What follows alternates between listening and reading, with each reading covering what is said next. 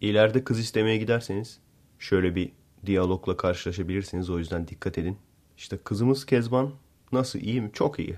Harika, müthiş, çok hamarat. Elinden her iş gelir. Biliyorsunuz anne babanın tek umurunda olan odur. Hamarat olsun. Elinden her iş gelsin. Hamarat kelimesini zaten anne baba kullanır. Sen hiç hayatında hamarat kelimesi kullandın mı? Kullanmadı zaten. Bizim kuşağımızda hamarat kelimesi bitsin. İşte kızımız çok hamarattır. Elinden her iş gelir. Ayrıca tertemizdir. Bak burada raporu da var. Ya öyle mi? Hiç işte erkek arkadaş olmadı. Yani oldu tabii flörtleri. Flört kelimesi de bitsin mümkünse bu arada. Flörtleri oldu. Ama yani tertemiz. Bakın raporu falan da var. Harika. Çok güzel. Yalnız işte son zamanlarda kakasını tutamıyor.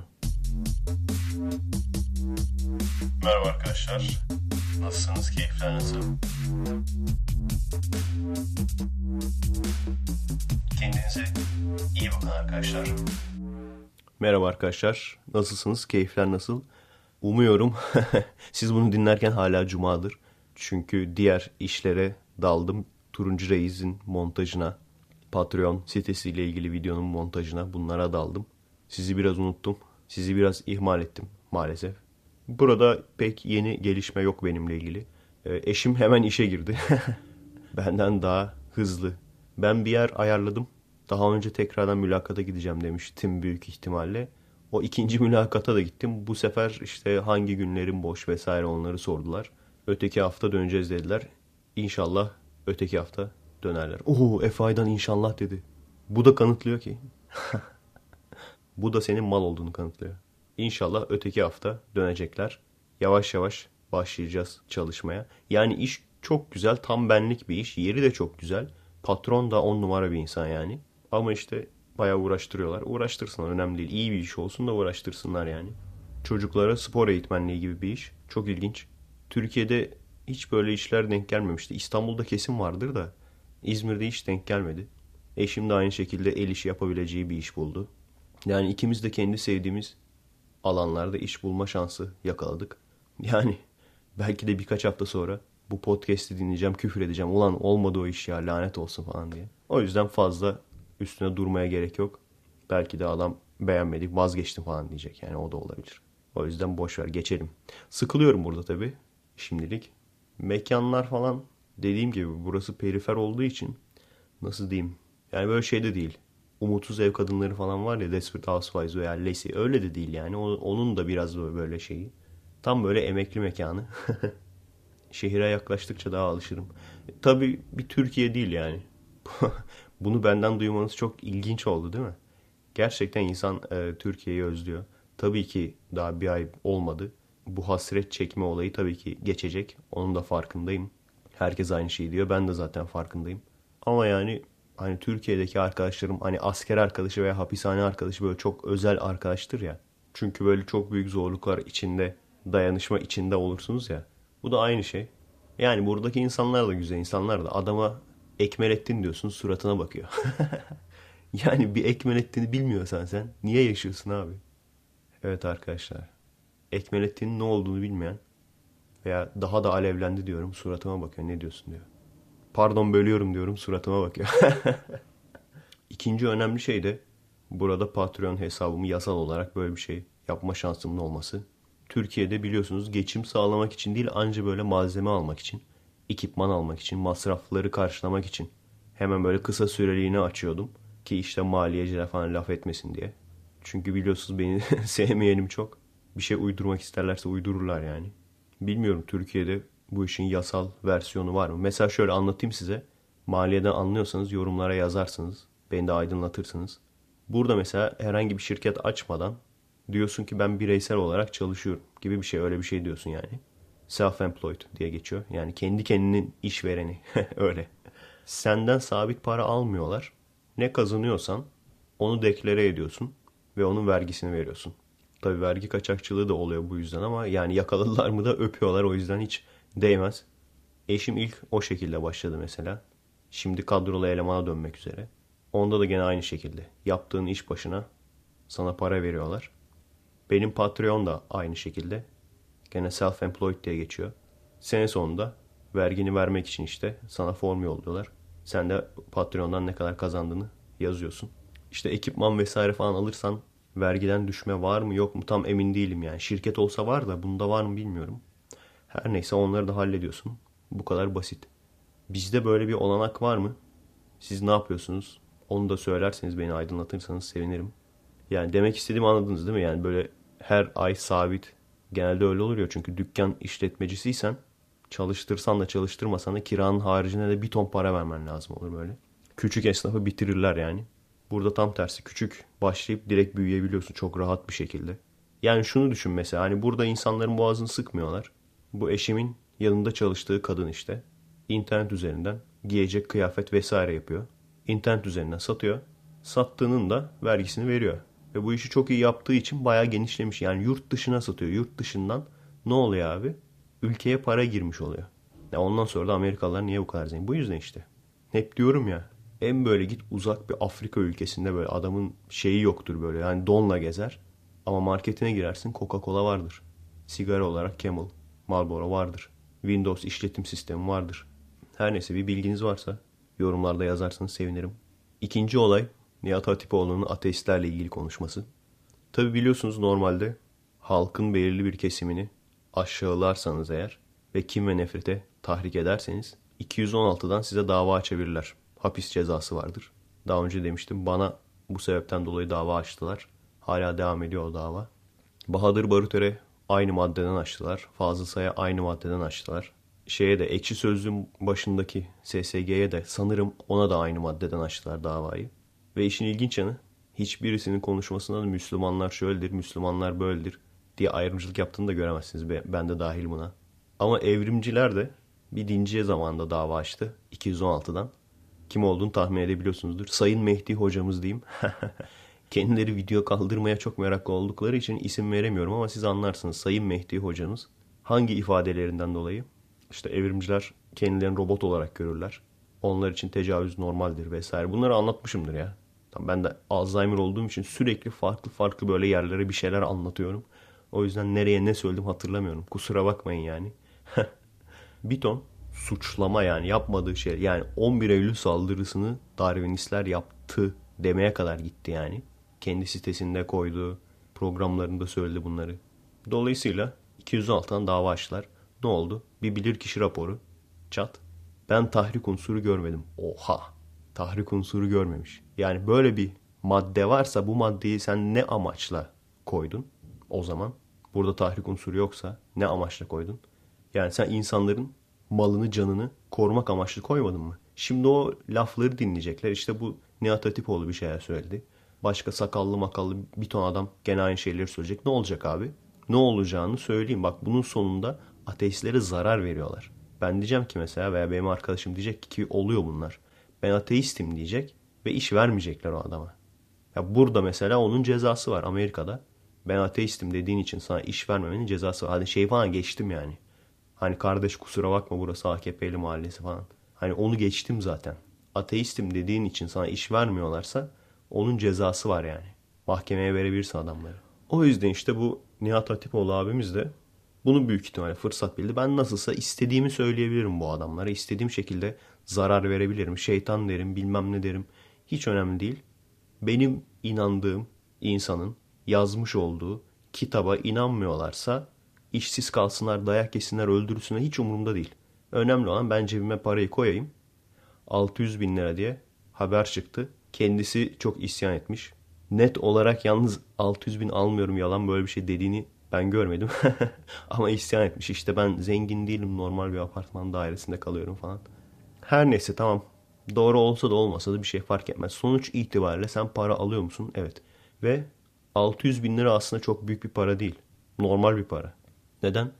Çünkü o aralarda koyacakları işte o reklamlar var ya işte bilmem ne kapiden Mac Ramazan şerbeti. Yok işte McDonald's'tan Mac Turco, Mac Ramazan menü.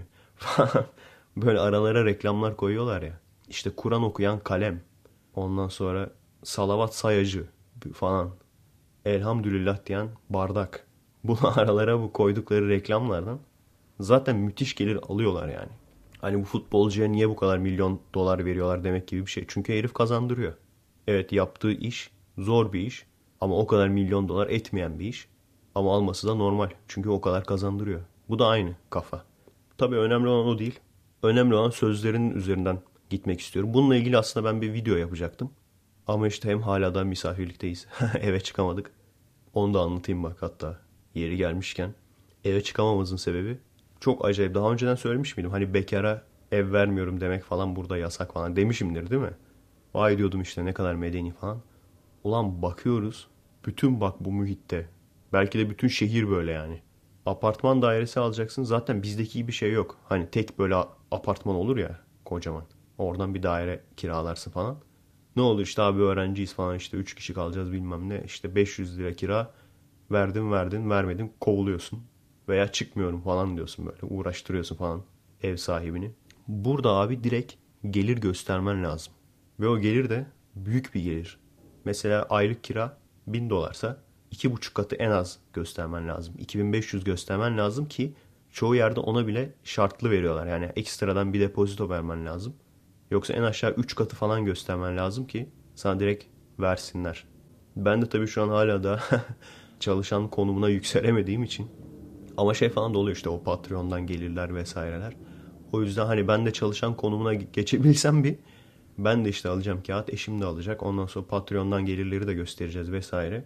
Yani o olur büyük ihtimalle. Çok acayip ama yani değil mi? Hani bizde nasıldır? Abi kira ne kadar? 600 lira. Al 600 lira tamam bu kadar. Veya bazı şeyler işte 3 aylık kira peşin tamam al. Yok yani öyle bir şey. Çok ilginç lan. Hani şey de diyemiyorsun. Abi kaç 3 aylık kontrat var aslında. 3 aylık kontrat yapabiliyorsun. Al 3 aylık peşin para da diyemiyorsun. O da ilginç yani. o yüzden neyse. Aslında baya büyük bir sorundu bizim için. Airbnb.com Air BNB diye yazılıyor. Böyle aralara viral reklam sokuyorum falan sanıyorsun da ben bunların hiçbirinden gerçekten para almıyorum. Harbiden yani düşünüyor musunuz bilmiyorum. Lan bu adam reklam mı yapıyor ya böyle ürün adı söyledi falan. Gerçekten arkadaşlar reklam falan yaparsam bağıra bağıra söyleyeceğim ya bu reklamdır falan. Her neyse airbnb.com'dan onu da arkadaşım tavsiye etti. Şey var. Millet burada hep evler büyük büyük geniş geniş olduğu için evinin bir odasını sana kiralıyor. Zaten biz de öyle kalıyoruz. Arkadaşta kaldığımız için kira vermiyoruz tabi. Ama bir evin bir odası bize ait işte. Ve genelde her yatak odasına ait bir tuvalet de oluyor. Yani senin odan artı tuvaletin çok güzel. Fiyatlar da uygun eyvallah. Bakalım şimdi halledemezsek yani. Ağustos'un sonuna kadar yanında kaldığımız arkadaşlar gittiği için bizim de Ağustos'un sonuna kadar bir yere çıkmamız lazım. O zaman kadar olmazsa işte bu Airbnb bunu yapacağız. Neyse ya belki de hayat kurtarmış oldu yani kara kara düşünüp duruyorduk. Konu nasıl Nihat Hatipoğlu'ndan apartman dairesine geldi ben de hatırlamıyorum ama ha vakitsizlikten bahsediyordum. Evet bununla ilgili yani Nihat Hatipoğlu'nun söyledikleriyle ilgili aslında bir video çekecektim. Hem misafirlikte olduğumuz için rahat rahat böyle oturup video çekemiyorum. Hele ki atarlı video. Çünkü anlarlar yani. Hani atarlı konuştuğum zaman anlarlar. Şu podcast'i çekmek için bile fırsat gözlüyorum yani. Hem de bir sürü montaj hala daha var. Türkiye'de o kadar çok şey çekmişiz ki. Bir de her şeyin kamera arkası var. Onları da illaki çekmek istiyorum yani. Bir ara şey düşünmüştüm. En azından işte bu Patreon'dan yatırım yapanlara ekstra olması için kamera arkalarını hani sırf onlara göstereyim falan ama yok ya onları da herkese göstereceğim.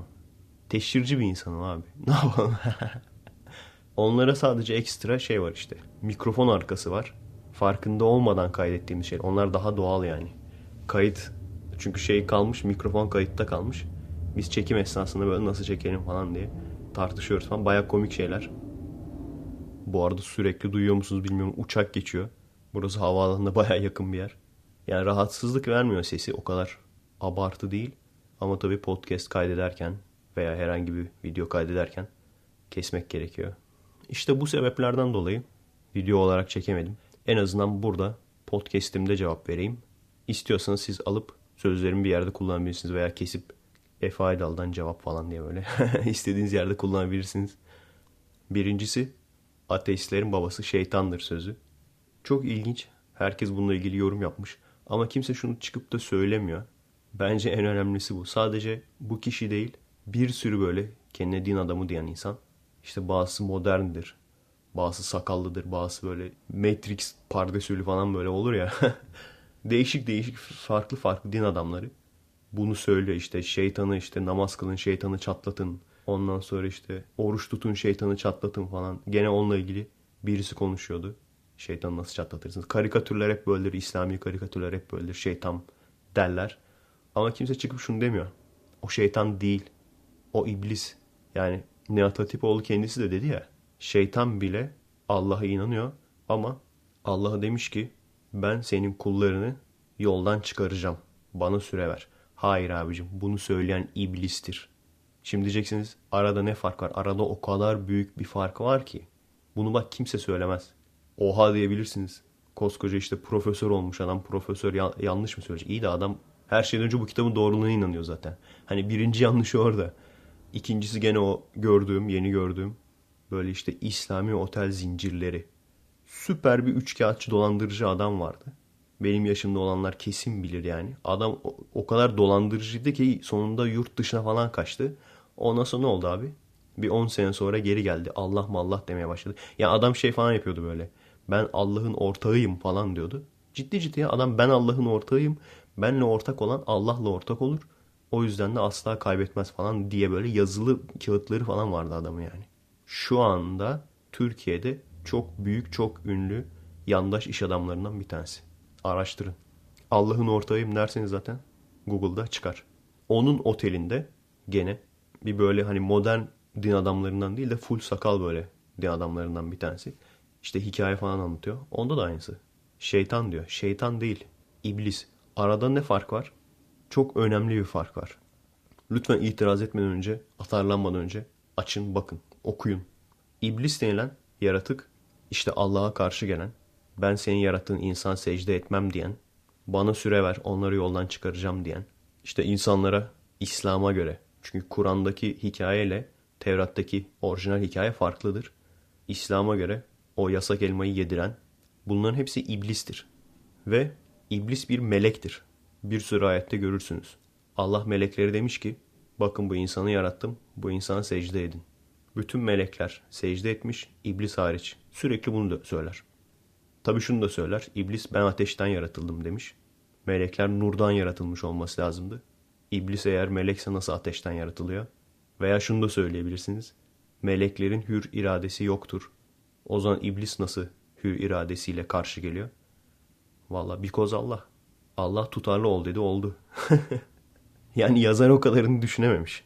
Sonuç itibariyle çoğu yerde iblisten melek olarak bahseder. Bir. İkincisi şeytan nedir peki? Şeytan çok farklı bir şeydir. Cinin bir farklı versiyonu. Hani imp, imp vardır ya büyük ihtimalle hani onun gibi bir şey yani. Cin Mark 2 diyebilirsiniz. Diablo'da falan imp vardı. İşte onun gibi bir şey. Veya FRP oynuyorsanız. Bir bu. İkincisi özelliği cin olmasıdır. Üçüncüsü bir tane değildir. Bir sürü şeytan vardır. Nasıl bir sürü cin varsa bir sürü şeytan vardır. Ve çok ilginç bir şey. Mesela şeytan şöyle ayetler vardır. İçinizden birisi ne zaman bir şüpheye düşecek olursa biz ona şeytanlardan birini yollarız ve onu yoldan çıkarırız. Neden şüpheye düşen birini şeytan yollayıp yoldan çıkartıyor? Bilmiyorum. Because Allah. Peki aradaki fark ne? Yani neden yanlış kullanımına bu kadar dikkat ediyorum? Çünkü Tevrat'ı artı Kur'an'ı okuyacak olursanız fark ediyorsunuz. Kur'an nedir? Eski Arap mitolojisi, eski Arap inancı artı bunun üzerine Tevrat'ın oturtulmasıdır. Yani bir yerden Tevrat bulunuyor ve Araplara deniyor ki işte bu Tevrat bizim dinimizde bunun yeni versiyonu. Yani eski Arap geleneklerinde cin vardır. Eski Arap geleneklerinde şeytan vardır. Eski Arap geleneklerinde namaz vardır. Sanıyorum zekat da olması lazım. Birçok şu anda uygulanan gelenek artı Kur'an'da geçen varlık eski Arap geleneğinden gelmedir. İblis gibi varlıklar da ve işte o başta Adem'le Havva varmış. İşte elmayı yemiş, cennetten kovulmuş bilmem ne. Bu hikayeler de Tevrat'tan gelmedir. O yüzden çok farklı. O yüzden bazı karışıklıklar yaşanır. Bazı yerde işte şeytan denir, bazı yerde cin denir, bazı yerde ateşten denir, bazı yerde nurdan denir falan. Budur yani. Bakın açın bakın. Şimdi isterseniz pause yapın. Girin Kur'an pdf'ye veya kuranmeali.com'a veya kurangen.tr'ye şeytan kelimesini arattırın. İblis kelimesini arattırın. Dediğimin doğru olduğunu göreceksiniz. Ve dediğim gibi tekil bir varlık da değildir. Birçoktur. Ama şu anda tabii bu gerçeği kabul etmek istemeyen insanlar iki farklı geleneğin birleşmesinden oluştuğunu kabul etmek istemeyen insanlar ikisi aynı şey olarak düşünüyorlar. Bu bir. Yani artık lütfen din adamlarına söylüyorum. Şeytanla iblisi karıştırmayın. İkincisi ateistlere şeytan vesaire demesi zaten baştan yanlış.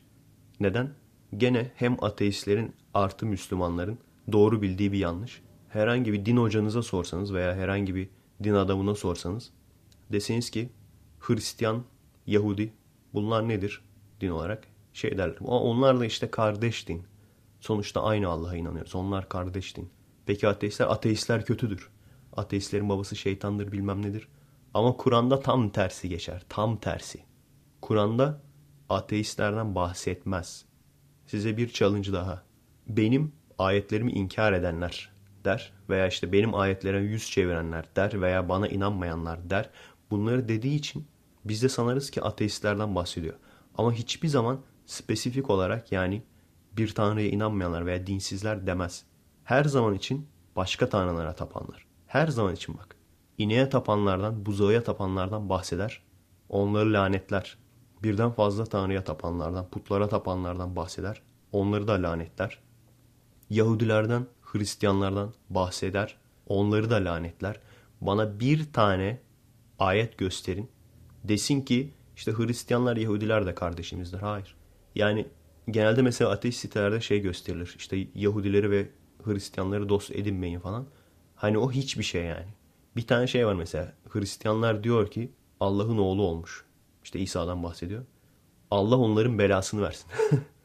yani tabii şunu soracak olabilirsiniz. Allah niye Allah onların belasını versin diyor. O da beni aşar. Because Allah. Peki İsa'dan ve Musa'dan da mı o zaman? Çünkü onlar da biri Hristiyanlığın biri Yahudiliğin temsilcisi. Onlardan da mı kötü bahseder? Hayır. Der ki onlar da aslında Müslüman. Abartmıyorum bak. Keşke okusanız. İsa bebekken namaz kılacağım, zekat vereceğim demiş. Böyle bir ayet var. Yani İsa ve İsa'yı takip edenler, Musa ve Musa'yı takip edenler aslında Müslümandır, Allah'a taparlar. Bu geçer Kur'an'da. O yüzden tam tersi. Hani şu anda kendisi Müslüman diyen insanların ateistlere düşmanlık beslemesinin tek sebep dini bir sebep değil. Kesinlikle bakın Kur'an'ı açın gösterin ateistlere veya dinsizlere karşı herhangi bir söz yoktur. Çünkü o zamanlar dinsiz olmak veya ateist olma diye bir şey bile yoktu yani. Öyle bir fikir bile yoktu. Yani en azından o mekanda. Orta Doğu'da. Demek ki yokmuş yani. Ya da belki de vardı ama o bilinmiyordu yani. O kitabı yazanlar tarafından bilinmiyordu. Genel olarak benim ayetlerimi inkar edenler der. Genel olarak benim ayetlerime yüz çevirenler der. Genel olarak bana inanmayanlar der. Hani e, tabii onu düşünecek olursanız genel olarak hepimiz lanetliyiz de ama spesifik olarak diğer dinlerden bahsetmesine rağmen ateistlerden bahsetmez. Şu anda işte Hristiyanlar, Yahudiler de kardeşimizdir, ateistler şeytandır denmesinin sebebi çünkü biz tehdidiz. Hristiyan veya Yahudi şu an bugün dine karşı bir tehdit değiller. Çünkü hepsinin kendi mekanı var. Hepsinin kendi adamları var. Kendi çevresi var. Kendi güruhu var. O yüzden diyorlar ki kardeş bak burası benim. Şu alan benim. Şu alan senin. Şu alan senin. O yüzden kardeş gibi geçiniyorlar. Ama ateistler onlar işi bozan insanlar. İşi bozan insanlar olduğu için bu kadar çok ateistlerden bahsedilir. Yani ben şunu çok eminim yani birisi çıksın televizyonda ateistlere ana bacı küfretsin, katli vaciptir desin, her şeyi desin. Her şeyi desin bak. Hiçbir şey olmaz. Neden? Çünkü somut olarak sıkıntı yaratanlar biziz şu anda. Üçüncü sözü. Gene Nihat Hatipoğlu'ndan devam ediyoruz. Üçüncü sözü. Sıkışınca Allah'a sığınırlar demesi. Birçok kişi şey demiş. İşte ayağımızı vurunca Allah falan diyoruz ya. Ondan mı bahsediyor acaba demiş. Ondan bahsediyorsa o, o zaten ağız alışkanlığı. O zaman Kızılderililerin ayağını çarptığı zaman Ulu Manitu diye bağırması Ulu Manitu'nun varlığını nasıl kanıtlamıyorsa bu da aynı şekilde. Ama bence diğer olaydan bahsediyor. Yani hani şey derler ya düşen uçakta ateist olmaz derler ya. Sıkışınca hani dua etmeye başlarlar. Dinle alakası olmayan insanlarla ateistlerin arasında fark vardır. İkisi aynı şey değil. Birçok insan sosyal statüsünden dolayı zengindir. Daha böyle iyi yerlerde, kolejlerde vesairede okumuştur. Dinle o kadar alakası olmamıştır. Ama duymuştur yani. İslam falan bilir. Ama umurunda olmaz. Ramazan'da içki içer. Denk gelirse belki domuz eti yer. Ama ne olur kafasının bir köşesinde vardır. E bu insan tabii ki de sıkışınca Allah diyecek. Ama kendisini ateist olarak tanımlayan insan belli bir aşamadan geçmiştir. Belli bir evreden geçmiştir. O yüzden kendi kendisine ben ateistim demeyen hiç kimse ateist değildir. Fikirsiz olabilir, umursamıyor olabilir, denk gelmemiş olabilir. Belki 2200 yılında 200-300 sene sonra belki hepimiz öyle olacağız. Öyle bir şey bilmeyeceğiz yani.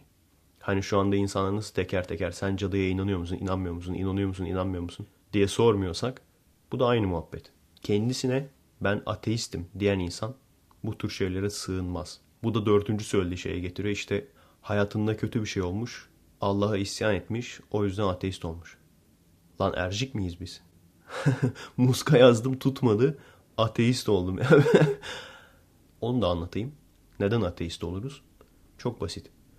Kur'an bir tarih kitabıdır. Orada tarihte yaşanmış olaylar anlatılır. Ve bu olayların bir kısmının gerçek olmadığını özellikle o doğaüstü yaşanan olayların. İşte Firavun gelmiş, bütün ordusuyla Musa'ya saldırmış. Kızıldeniz'i yarmış. Bunların gerçekte yaşanmadığını fark ettiğimiz için. Bir. Birinci sebep. Tabi dediğim gibi Kur'an ilginç bir kitap. Tevrat'tan alınan kısmının büyük ihtimalle Kur'an'ı yazan kişi de her kim yazdıysa o kendisi de doğru sanıyordu. Yani o Tevrat'ta yazılanları büyük ihtimal doğru sanarak yazdı. O zamanlar tabi bilgi şimdiki kadar yaygın olmadığı için ve toplumlar birbirinden çok izole olduğu için birisi çıkıp da ben işte Firavun'a atar yaptım, köleleri bırak dedim. O benim peşimden koşturdu. Boğuldu, öldü vesaire derse bunu araştırma şansın yok fazla. Herhangi bir yerde yazılı olarak görürsen o doğru kabul edeceksin. Ama şu anda biliyoruz ki Mısırlıların her şeyi kayıt altına aldığını yani yaşanan her önemli olayı kayıt altına aldığını biliyoruz. 600 bin tane köle artı bunların aileleri 2 milyon eder. Bu kadar kölenin gitmesi, çıkması, kaçması veya Musa isminde birisinin varlığı bunların hiçbirinin kaydı yok. Anladınız mı? Bir. Ondan sonra hikaye nedir? Bütün ordu 6 bin at arabası diye geçer. Kur'an'da da aynısı var mı bilmiyorum. Bütün ordunun, Firavun'un bütün ordusunun Musa'nın peşinden gitmesi. Ha bu arada 600 bin kişi artı ailesi nasıl 6 bin atlıyı halledemiyor o da ilginç bir şeydir tabi de. 600 bin kişinin 6 bin atlıdan kaçması. Başka bir deyişle Mısır'ın bütün ordusunun bir anda yok olması artı Firavun'un ölmesi. Sizce büyük bir olay değil mi? Bu nasıl olur da Mısır'ın kayıtlarına geçmez? İnsanlar diyor ki çok utanmışlar. İşte o yüzden yazmamışlar. Olabilir mi böyle bir şey? Yani tarih bilimi nedir? Tarih bilimi derler ona. Neden tarih bilimi derler? Çünkü bilimle aynı şekilde işler. Mesela biz İstanbul'un fethini nereden biliriz? Osmanlı kayıtlarından, görgü tanıklarının yazdığı belki günlüklerden, artı Bizans kayıtlarından, orada yaşamış bir askerin notlarından. Bunları karşılaştırırız. Onda bile hatta emin olmadığımız bazı şeyler vardır. Hala da tartışma konusudur işte. Gemiler karadan yürütüldü mü yürütülmedi mi vesaire. Birisi der ki o abartı. Öbürü der ki hayır gerçek falan. Ama yani bazı olayların gerçek olduğu kaçınılmazdır. İşte bir yerde der ki 100 bin kişilik orduyla saldırdık. Şu kadar gün dayandılar. Öteki tarafın kayıtlarında da der ki işte 100 bin kişilik orduyla saldırdılar. Şu kadar gün dayandık. Ona bakarsın ikisini karşılaştır sana dersin doğru. Veya görgü tanıklarının yazdığı notlara veya askerlerin yazdığı mektuplara, günlüklere yani bütün savaşlardan, bütün olaylardan bahsediyorum. Karşılaştırırsın, iyi kötü bir sonuç elde etmeye çalışırsın. Ama ben gidip de şu anda bir konuşma yapsam desem ki Osmanlı padişahı bu arada hangi padişah olduğunu söylemiyorum bile. Çünkü Firavun'un her Firavun'un ismi vardır. Ama bu suda boğulan, Kızıldeniz'de boğulan Firavun'un hangisi olduğu söylenmez. Ben desem ki işte bilmem ne diye Efe diye bir kahraman vardı zamanında. Osmanlı padişahına gitti. Osmanlı padişahı buna saldırdı. Bu da işte bir yerden kaçtı gitti ondan sonra işte atıyorum sallıyorum yani ormandan geçti. Ordusuyla birlikte girdi işte Osmanlı padişahı. Sonra o orman yandı. Öncelikle siz şunu demez misiniz? O orman, o yanmış ormanın bir kalıntısı var mı? Bir kanıtı var mı? Bir. İkincisi daha da önemlisi. Böyle bir olay Osmanlı kayıtlarına geçmiş. Geçmemesi imkansız yani. An, anlıyor musun? Yani ordusuyla komple gidecek, ölecek. Padişah da gidecek. Geçmemesine imkan yok yani. Yani arkadaşlar bunları bildikleri için bu sadece küçük bir örnek. Bunları bildikleri için sizi içerikten uzak tutmaya çalışıyorlar. İşte bakın şurada şu sayıyı koyarsak buradan da bu sayıyı koyarsak o sayıları birleştirirsek bilmem kaç çıkıyor falan. Birçok insan da işe yarıyor. Ama ben de çıktım Tonton'dan buldum. Tonton kitabından bir sürü mucize buldum. Yani biraz matematikten anlayan biriyseniz şunun farkındasınızdır. Herhangi özellikle de sayfa sayısı çok olan kitaplarda siz yeterince sayıyı birbirle toplar çıkarır çarparsanız mutlaka bir şeyler bulursunuz. Bak ben bir oturuşta buldum yani. Hiç uğraşmadım bile. Ki matematikçi olsam kim bilir neler bulacağım. Bu bir. Zaten herhangi bir işte bilmem ne sayısının mucizesi, bilmem ne sayısal mucizeler, sistemler falan dendiği zaman aynı sistemin eleştirisini de okuyun. Sağ olsun ateistler de çalışıyorlar. Uğraşıyorlar yani. Çünkü birçoğunda zaten işte bu ayet fazlalık falan diye bazı ayetleri kırptıklarını falan fark edeceksiniz. Sistem otursun diye. Ben çok bu eleştirilere fazla bakmadım. Neden? Çünkü benim için önemli değil. Gerçek olup olmaması benim için önemli değil. Ha bir de gerçekten gerçekçi sayısal gizemler var. İşte gün sayısının 365 kere geçmesi. Ondan sonra iyi ile kötünün aynı sayıda olması bilmem ne. Şeytanla meleğin aynı sayıda olması. Gündüzle gecenin aynı sayıda olması falan. Bu gerçekten de hani tesadüf diyemeyeceğiniz şeyler. Gerçekten de doğru olsaydı bu harbiden merak ederim. Hmm, ilginç falan derdim yani. Nasıl olmuş falan derdim yani. Peki bunun açıklaması ne? Bunun açıklaması şu. Yalan. Bu kadar basit. Türkiye'deyseniz, Müslüman da olsanız, ateist de olsanız buna alışmanız lazım. Özellikle Müslümansanız buna alışmanız lazım. Size felaket yani zekanıza hakaret eder şekilde yalan söylüyorlar. Hani adam biliyor ki sen açıp bakmayacaksın, saymayacaksın. Sayıyorsun alakasız bir şey çıkıyor. Ama diyor ki şu da gün demek. Onu da ekliyorsun gene çıkmıyor. Ama işte Arapçasına bakman lazım. Bakıyorsun gene çıkmıyor. Ama işte Arapça ama Arapça yazısına bakman lazım. Şimdi sen onları boş ver. Şurada kurananaliz.net var. Oradan say, saydır. Oradan çıkıyor bak. Mucize bulma, mucizeyi mucize bulman sitesinden buluyorum. Normal Kur'an'dan değil. Yani ba- bari bana gelmeyin arkadaşlar. Beni artık tanıyor olmanız lazım yani. Ben dünkü çocuk değilim.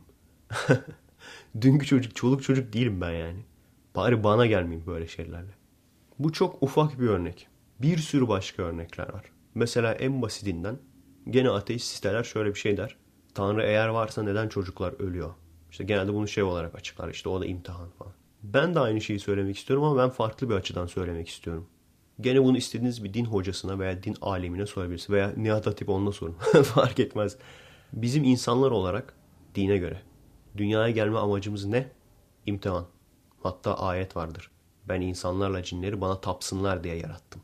Bizim dünyaya gelme amacımız imtihan. Doğru mu? Doğru. Peki çocuklar, büyükler, yaşlılar bunların hepsi insandan sayılıyor mu? Sayılıyor. Peki çocuk öldüğü zaman biz ne deriz? Belli bir yaşa kadar yaptıkları günahtan sayılmaz. Çocuk öldüğü zaman geldi. Bizim din hocamız mesela şey derdi. Herkes ölünce işte 33 yaşında olacak cennette. Bazı şeylerden faydalanabilmek için. O zamanlar anlamıyordum ne dediğini.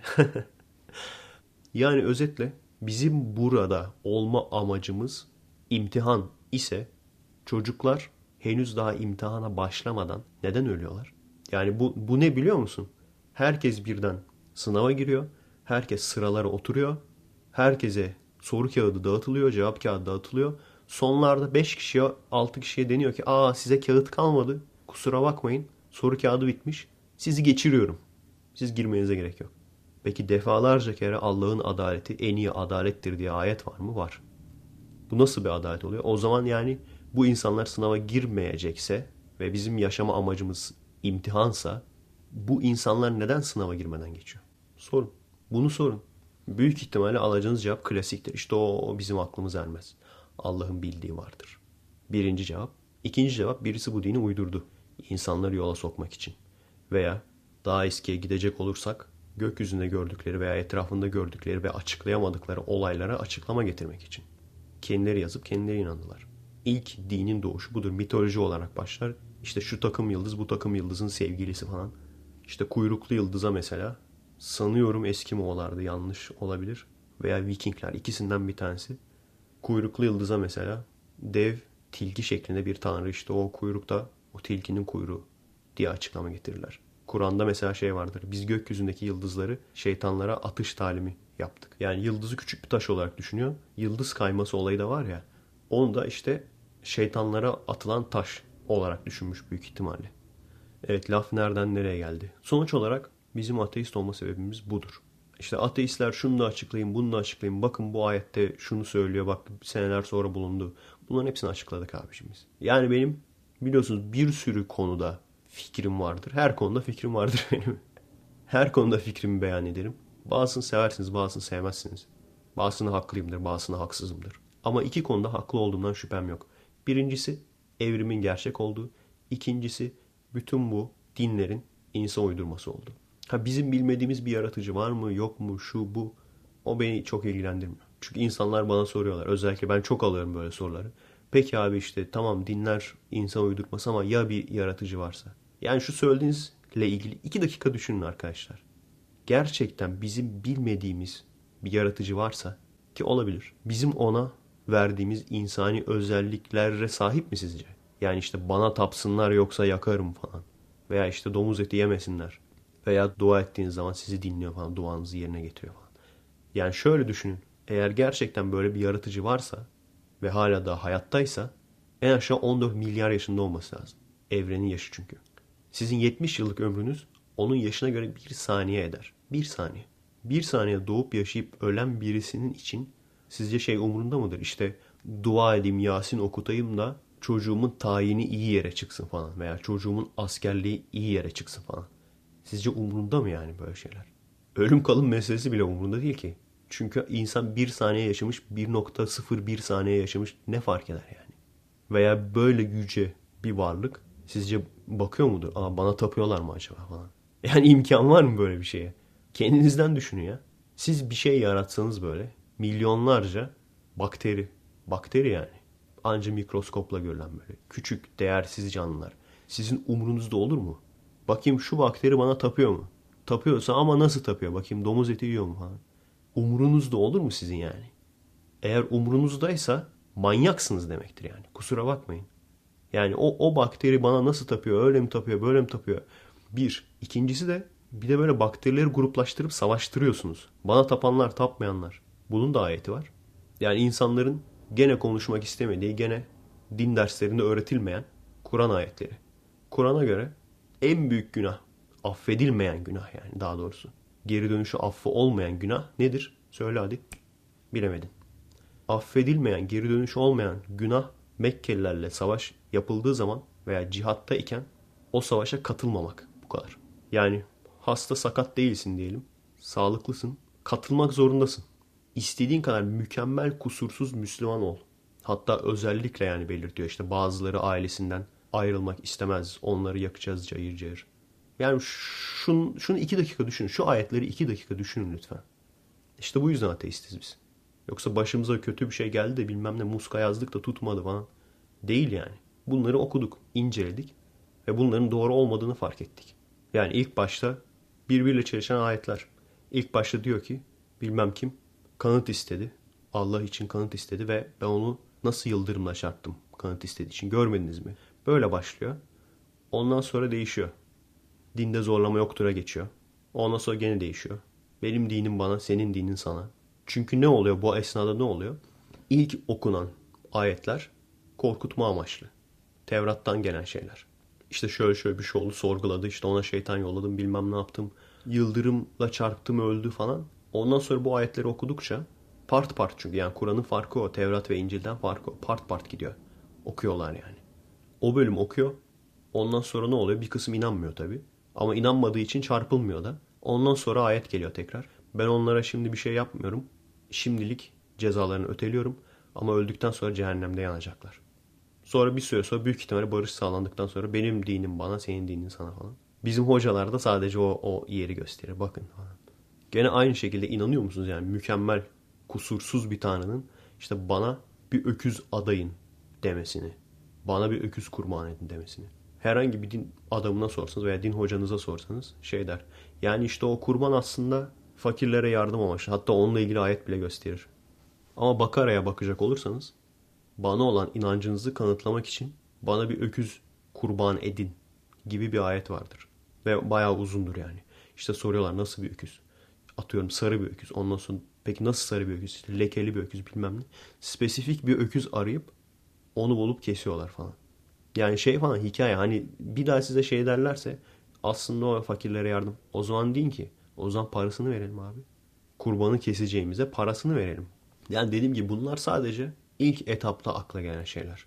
O kadar çok şey daha sayabilirim ki ileride ateizm serisine sayacağım. Bu sebepten dolayı, bu sebeplerden dolayı ateistiz. Hala çıkıp şey diyorlar işte duanın tutarlılığı hakkında bilimsel araştırmalar yapılmış. Sen kendin dene. Evde deniyorsundur kesin. Sürekli bir şeyler için dua edersin. Bazen tutar bazen tutmaz. Tuttuğu zaman dersin ki aa işte bu varlığını kanıtlar. Burada da yaşlı bir teyze gördük. Kendisine yardım falan ettik. O da hemen aynı şeyi söyledi. Ben Tanrı'ya çok inanıyorum. Çünkü kötü bir zamanımda dua ettim ve düzeldi her şey. Ben senelerdir ateistim. Çok fazla kötü zamanım oldu. Hiçbirisine dua etmedim. Ve hala buradayım. Genelde mesela bununla ilgili kitaplarda şey derler. Bu da daha önce anlatmıştım ya sözde bilim. Bu da o yani. İşte hasta olan bir insan kendisi dua ettiği zaman iyileşme oranı artıyor falan. Kendisi dua ettiği zaman kendisi inandığı için plasebo ile aynı etkiyi. Aslında plasebo'nun insanlardaki özelliğini biliyorsunuz. Çok ilginç yani. İnsan iyileşeceğine inanıyorsa harbiden böyle iyi kötü bir yardımı oluyor onu yani. Bir insana plasebo veriyorsan yani ilaca benzeyen ve o kişinin ilaç içtiğine inanmasını sağlayan bir hap veriyorsan ve bu işe yarıyorsa işte bu dua etmek de aynı şey. Ama bunun bir de şöyle bir deneyini yaptılar. Hastalara kendi bilgileri olmadan başkaları onlar için dua etti. Böyle bir deney ciddi ciddi yapmışlar yani. Ve sonuç hiçbir şey değişmiyor. Yine aynı şekilde şunu çok görürsünüz. İşte kanserli bir hastam vardı. Ben bile bir iki tane ben bile denk geldim yani bu şeyi anlatan, bu hikayeyi anlatan. İşte doktorlar dedi ki asla düzelemez. Ölecek dediler. Gittik çok dua ettik ve düzeldi. İşte bu da varlığını kanıtlar. Bunun da yukarıdan Tanrı'nın eli var mı yok mu kanıtlamanın onun da kolay yolu var. Gözle görülebilecek bir hastalık. Çünkü kanseri göremezsin. Adam yanlış teşhis mi koydu? Yanlış teşhis koymuş olabilir bak. Veya şu an henüz bizim bilemediğimiz, açıklayamadığımız bir şekilde mi düzeldi? Bu şekilde düzelmiş olabilir. Veya tamamen yalan olabilir ki bu olay da çok geçiyor. Bunu kanıtlamanın da yolu var. Senelerdir belden aşağısı tutmayan arkadaşlarım var. Tanıdıklarım var. Hepimizin vardır. Dua ederek onlar iyileşecek mi? İşte bu kadar basit. Çünkü neden? Tanrı'nın gücü yarım yamalak olmamalı anlıyor musunuz? Şu anda bilimin, tıbbın henüz çare bulamadığı, hepimizin vardır tanıdığı. Tekerlekli sandalyeye mahkum. Trafik kazası geçirmiş, başına bir iş gelmiş. Bir tane vardı çok dindar bir arkadaşım demdi. İşte imtihan diyordu. Yani dua ederek bu insanlar iyileşiyorsa o zaman yani biz kapalı insanlar değiliz. Şey çok ilginç yani. Hani ateistlere bunlar işte açık görüşlü insanlar değil kapalı insanlar işte. Tanrı fikrine kapalı bilmem ne dinlere kapalı. Hayır. Açığız. Ben hep söylüyorum ben neden inanmayayım abi. Şu anda çok sevdiğim dedemin yukarıda bizi seyrettiğine neden inanmayayım ben. Atatürk'ün ölmediğine, şu anda mutlu mesut yaşadığına neden inanmayayım yani. Şunu düşünün arkadaşlar. Sizler beni dinliyorsanız çok büyük ihtimalle dinden herhangi bir geliri olan, dinden bir menfaati olan bir insan değilsiniz. O zaman şunu düşünün. Çünkü birçok insan kendi kendisini kandırıyor. Ben bunu görüyorum. Yani kendinizi kandırırsınız ancak. Kur'an'ı okumadığınız halde okudum falan diyorsunuz. Okudum şöyle ayetler. Hayır okumadın abi. Bunu diyorsunuz bir. Benim asla şüphem yoktur. Haşa falan filan diyorsunuz. Şüphenin olduğunu biliyorum. Ama şüphe duymanın bile günah olduğunu bildiğin için bunu söylemekten çekindiğini biliyorum. Eğer sen haksızsan, hani hep diyor, eğer sen haksızsan ben haklıysam ama şimdi ben söylüyorum aynısını. Eğer sen haksızsan kelime oyunu yapman veya işte bazı şeyleri doğru olmayan şeyleri söylemen, okumayıp da okudum demen, şüphen olduğu halde şüphem yok demen. Hadi diyelim süper iyi konuştun tamam mı? Beni imana getirdin. Bin tane ateisti imana getirdin. Yüz bin tane ateisti imana getirdin. Gerçekten bizim dediğimiz gibi din olayı uydurmaysa, öteki dünya olayı uydurmaysa, dua edince yukarıdan birileri bir şey yapması olayı uydurmaysa, şu anda imtihanda olduğumuz uydurmaysa, bunlar gerçekten insan uydurmasıysa, senin yüz bin tane ateisti imana getirmen herhangi bir şeyi değiştirecek mi? Veya senin kendi kendini kandırman herhangi bir şeyi değiştirecek mi? Yani en basitinden benim dinden çıkma sebebim evrim. Evrimle başladı yani. Ben çünkü sorgulamayı, düşünmeyi severim. Kendi kendimizi kandırmanın da alemi yok. Semavi dinlere göre insanlar Adem ve Havva'dan başlamıştır. Bu kadar basit. Yok işte o Arapçada başka bir şey demek istiyor. Yok şurada evrimden bahsediyor. Yok bilmem ne. Bana Adem'le Havva maymun diyen çıktı ya. Bunu gördüm yani. Adem'le Havva maymun dediler ya. Yani resmen karşımızda maymun oluyorlar yani. Kelimenin gerçek anlamıyla. Zaten bunu gördüm. Kendi kendimizi kandırmaya hiç gerek yok. Mağara adamı diye bir şey var mı? Var. Burada ne diyor? İlk insan olduğu gibi yaratıldı. Adem ve Havva. Bu kadar bitti. Başka hiç derine girmeye bile gerek yok yani. İkincisi dünya 7000 yaşında mı? Evren 7000 yaşında mı? Yoksa 14 milyar yaşında mı? Evren. İşte dünya 4,5 milyar yaşında mı? Gene aynı şekilde birçok şey söylerler. İşte orada yıl derken şunu kastediyor, bunu kastediyor. Kendimizi kandırmayalım arkadaşlar. Tevrat'ta, Kur'an'da, özellikle Tevrat'ta işte Adem şu yaşa kadar yaşamış, şu yaşta çocuğu oluyor, onun çocuğu şu yaşa kadar yaşıyor, bu oluyor bilmem bilmem. Bu şekilde spesifik olarak gider. Yani şu anda ağır Hristiyanların dünya 6500 yaşındadır demesinin sebebi bu. Gene bir din adamına soracak olursanız gene aynı şeyi söyler. 7000 civarı. Olmasına imkan yok. Hani imam hatipler çıkıp şey falan diyor ya. İşte radyo karbon tekniği de çok zaten sağlıklı bir teknik değildir falan. Sadece radyo karbon tekniği değil ki. O kadar çok şey var ki dünyanın milyarlarca yaşında olduğunu gösteren. Bir kere her şeyden önce kıtaların ayrılması. Kıtaların ayrılmasının hızına bakıyorlar. Bunu görüyorlar. Canlıların evrim hızını ölçüyorlar. Ona göre bir şey belirliyorlar. Yani hiçbir şekilde 6500'ü kurtarmaz yani. Yıldızlara bakıyorlar. Evrene bakıyorlar. Yıldızların uzaklıklarını buluyorlar. Milyonlarca ışık yılı ötede galaksiler var. Onun ışığının bize gelmesi için milyonlarca yıl geçmesi lazım. 10 milyar ışık yılı ötede galaksi, galaksi topluluğu görüyorsun. O yüzden hani Cübbeli Ahmet diyor ya yok olamaz öyle şey. O kadar uzakta olamaz falan. Olsa biz nasıl göreceğiz falan. Sonra ona yobaz diyorlar. Ama adam haklı. Adam çıkıp 7000 küsür yaşında evren, dünya diyor. E ne desin? O yüzden kimse sevmez onu. Yobaz der. Neyse onu söyler çünkü. Değiştirmeye çalışmaz yani. Bütün hepsini geçtim. Bir de çünkü şeyler vardır. Eski dünyacı yaratılışçılar falan. Onlar da şeyler işte 6 gün derken aslında işte 1 milyon bilmem ne milyar. Sen 3, 3 milyar 750 milyon. Sen milyar. Ona benzer bir şey derler. İşte 6 günde yarattı derken şu kadar şu kadar aslında şunu kastediyordu falan. Ama o da kurtarmaz. Neden kurtarmaz? Çünkü ilk insanın yaratıldığı yani Adem'in yaratıldığından günümüze gene 6500 yıl geçmesi lazım. Dünya daha önce yaratılmış olsa bile. Ama biz 7000-8000 yıl öncesinden insanların yaptığı, inşa ettiği şeyler buluyoruz. 10 bin yıl öncesinden tarım yapıyormuş insanlar. 10 bin yıllık tarım sahası buluyorlar. Yani hiçbir şekilde kurtarmıyor.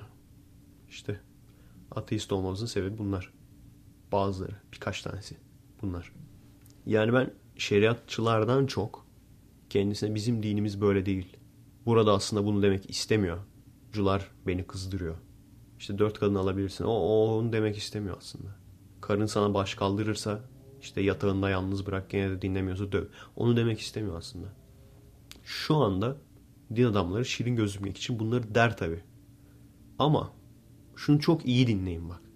Eğer Atatürk laikliği getirmeseydi ve biz de diğer İslam ülkeleri gibi İslam kurallarıyla yönetiliyor olsaydık o zaman görürdün sen. Onu demek istiyor muymuş istemiyormuş. O zaman görürdün sen. O zaman açacaklardı. Çatır çatır ayetlerden okuyacaklardı. Kırbaç mı, taş mı ne gerekiyorsa yapacaklardı. Bu neden önemli? Kafanı kuma sokmaya devam ettiğin sürece, yok ya bizim dinimiz böyle değil dediğin sürece, sabah programına Seda Sayan'a çıkan adamdan sen dinini öğrenmeye devam ettiğin sürece, gün gelecek o dinin sana gerçeğini gösterecekler. Yani maalesef İslam dünyası bu yüzden kaybetmek zorunda. Kaybetmeye mahkum. Müslümanlar olarak, Müslüman ülkeler olarak bizler kaybetmeye bu yüzden mahkumuz. Neden? Yahudilerin dini daha mı gelişmiş bir din? Hayır. Çok daha ilkel bir din yani. Bilmiyorum Tevrat'ı okudunuz mu? Okusanız kaçarsınız yani. Anladın mı? Okusan kaçarsın yani. İşte Yahudilerin nasıl gezip durduğunu ondan sonra yukarıdan Tanrı diyor ki bakın diyor işte size toprak lazım alın şu şehri ele geçirin. Giriyorlar şehre. Çoluk çocuk kim varsa kesiyorlar, yakıyorlar, hayvanlarına kadar öldürüyorlar. Zamanının PKK'sı ya adamlar. Adamlar zamanının PKK'sı ya. Ya bunun için bana dava açacak veya atar yapacak varsa yapsın yani. Tabii ki bu hikayeler gerçek değil. Gerçek olduğuna inanmıyoruz. O yüzden sorun yok. Ama birisi gerçek olduğuna inanıyorsa Yahudileri düşman olması gayet normal yani. Ki o zamanın tanrısı da yani o eski ahitteki tanrı da manyak bir tanrı yani. Manyak bir tanrı. Ben ettim sen etmedin. Oğlum çıkın gidin şuradan ya. Aynen öyle. Mesela Kur'an'da nasıldır hikaye? Firavun kötüdür. Zulüm yapar Musa'ya. Musa da karşılığında işte köleleri alır gider. Eski ahit versiyonunda Tanrı kendisi Firavun'un kalbine girer ve kalbini taşlaştırır ve böylece Firavun'un kölelere saldırarak kötülük yapmasını dolayısıyla da Tanrı'nın Firavun'u öldürmek için bir bahaneye sahip olmasını sağlar. Böyle saçma sapan bir şey yani. Buna rağmen şu anda Yahudiler medeniyet olarak nasıl bu kadar ileri bizden? Müslümanlardan. Çünkü adamlar zamanında reformlarını yapmışlar. Büyük ihtimalle kafalarına kipaları, yamakaları takmışlar abi. Bir odada toplanmışlar. Demişler abi bu kitap ne böyle? Ne yapacağız biz bunu? Bir şey yapmazsa Hitlerlerden kurtulamayacağız. Ondan sonra imajlarını değiştirmişler. Şu an Yahudi dedim mi? Benim aklıma gelen takım elbiseli ama kafasına yamaka veya kipa denilen olay olan bir kişi. Ve en basitinden şunu söyleyeyim. Üzerinde yolda yürürken üzerinde Yahudi kıyafeti böyle uzun ince uzun sakalları falan olur ya şapkaları falan olur böyle. Yani klasik Yahudi kıyafetiyle geçen bir insan görsen tedirgin olur musun? Olmazsın. Ama klasik Müslüman kıyafetiyle sakallı makallı böyle uzun Matrix pardösülü falan ile geçen bir adam görsen tedirgin olur musun? Olursun. Aradaki fark bu. Adamlar kendi dinlerini ciddiye almıyorlar. Sadece istedikleri noktaları alıyorlar. Onları kullanıyorlar. Gerisini sallamıyorlar fazla. Sadece bununla da kalmıyor. İslam dünyasında da ne kadar aşırı dinci varsa onlara destekliyorlar. Yoksa şimdiye Orta Doğu da çoktan büyük ihtimalle kendi Rönesans'ını yaşamıştı yani büyük ihtimalle. Eğer Batı bunu engellemeseydi. Bunu işte insanlar bilmiyor. Batıdaki vatandaş, batıdaki insan bunu bilmiyor yani. Bakıyor Müslümanlar manyak manyak hareketler yapıyor. Orayı yakıyor, burayı tekmeliyor falan. Diyorlar ki abi Müslümanlar niye böyle?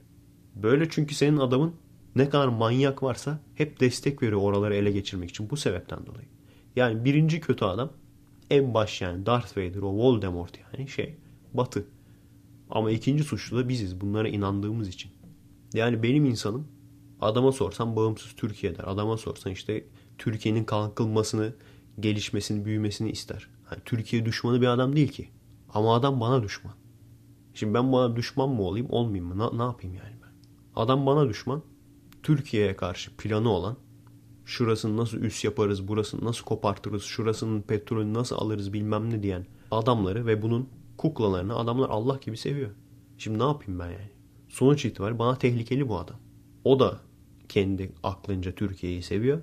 Ben de Türkiye'yi seviyorum. Ama adam bana tehlikeli. Ne yapacağız yani? Yani o kadar çok isterdim ki ben Türkiye'de kalmayı. Türkiye'de Türk sinemasında bir şeyler yapmayı.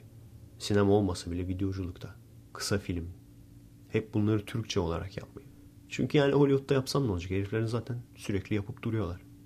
O işte Türkiye'deki o arkadaşlarımla yani yeteneği olup, potansiyeli olup ama imkan bulamadığı için bir yerde böyle kalmış.